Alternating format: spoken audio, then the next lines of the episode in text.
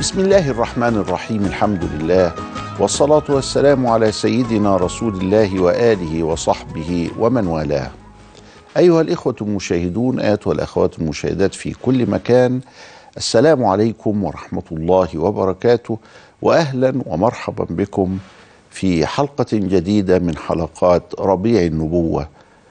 اللهم صل وسلم على سيدنا محمد في الأولين وفي الآخرين وفي كل وقت وحين وفي الملأ الأعلى إلى يوم الدين وعلى آله الأطهار وأصحابه الأخيار وأتباعه بإحسان يا أرحم الراحمين.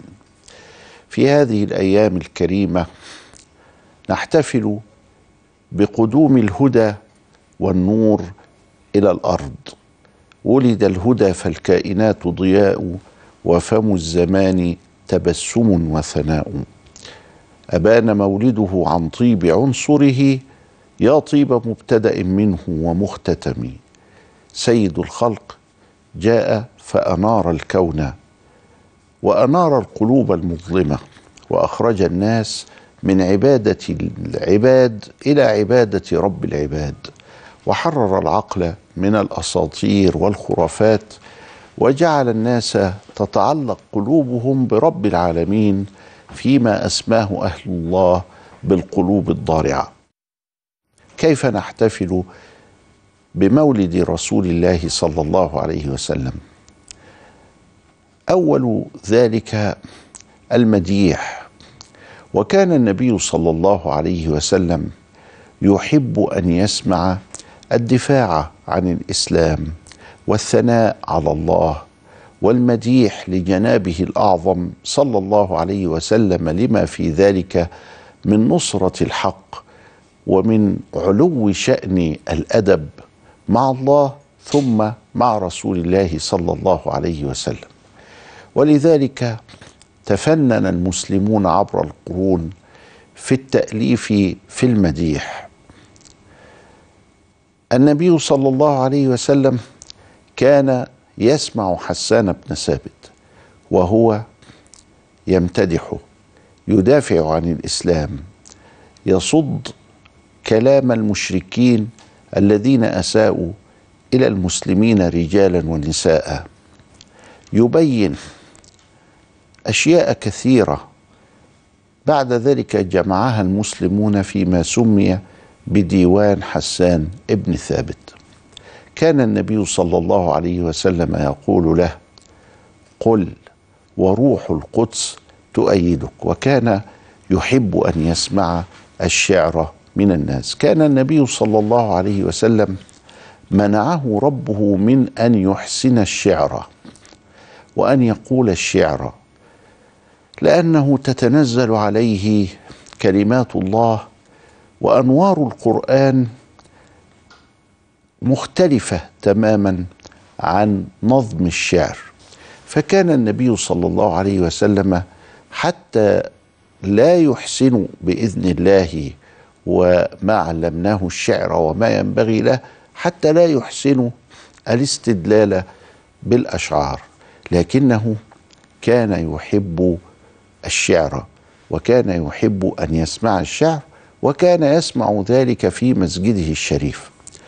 ولذلك رأينا المسلمين في كل مكان يمتدحون رسول الله صلى الله عليه وسلم بالمدائح الرائقة في المسجد وهذا من السنة النبوية الشريفة أن تستمع إلى الصوت الحسن وكان رسول الله صلى الله عليه وسلم يحب الصوت الحسن وأن تستمع إلى المديح من المنشدين الذين ملأوا الأرض مدحا في رسول الله صلى الله عليه وآله وسلم.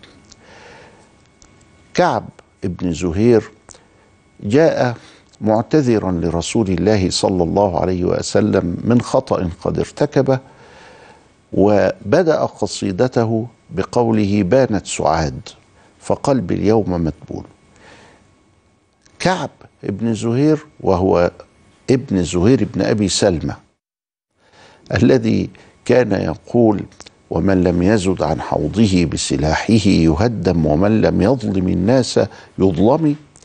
جاء النبي صلى الله عليه وسلم بهذه القصيدة التي يمدحه فيها حتى إن النبي صلى الله عليه وسلم أراد مكافأته فخلع عباءته الشريفة والعباءة كانت تسمى بالبردة ووضعها له وأجلسه عليها وهذا فيه تعظيم لشأن ذلك المادح.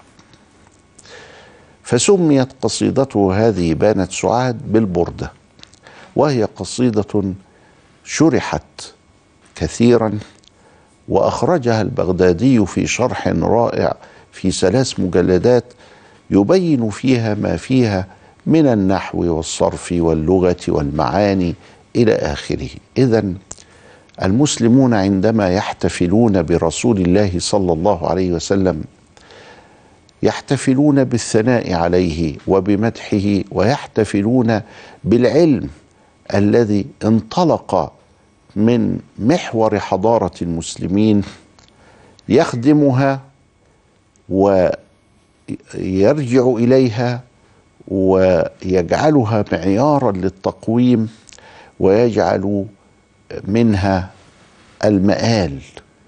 هذا الحال الذي عاشه المصريون وعاشه المسلمون في مدح رسول الله صلى الله عليه وسلم. جمع كثيرا منه الشيخ يوسف النبهاني رحمه الله تعالى في كتاب في أربع مجلدات في مدائح السيد المصطفى صلى الله عليه وآله وسلم. وما زلنا نتذكر بردة البوصيري التي حببت الناس في رسول الله صلى الله عليه وسلم وهي مطبوعة مشهورة موزعة في كل مكان وهذه البردة نهج على نهجها وعلى وزنها وقافيتها محمود سامي البارودي ونهج على نهجها أحمد شوقي ريم على القاع بين البان والعلم أحل سفك دمي في الأشهر الحرم. فالنبي صلى الله عليه وآله وسلم يستحق منا المديح. هذا مظهر من مظاهر الاحتفال بسيدنا النبي صلى الله عليه وسلم وتتلوه مظاهر فإلى لقاء آخر. أستودعكم الله والسلام عليكم ورحمة الله وبركاته. Lord.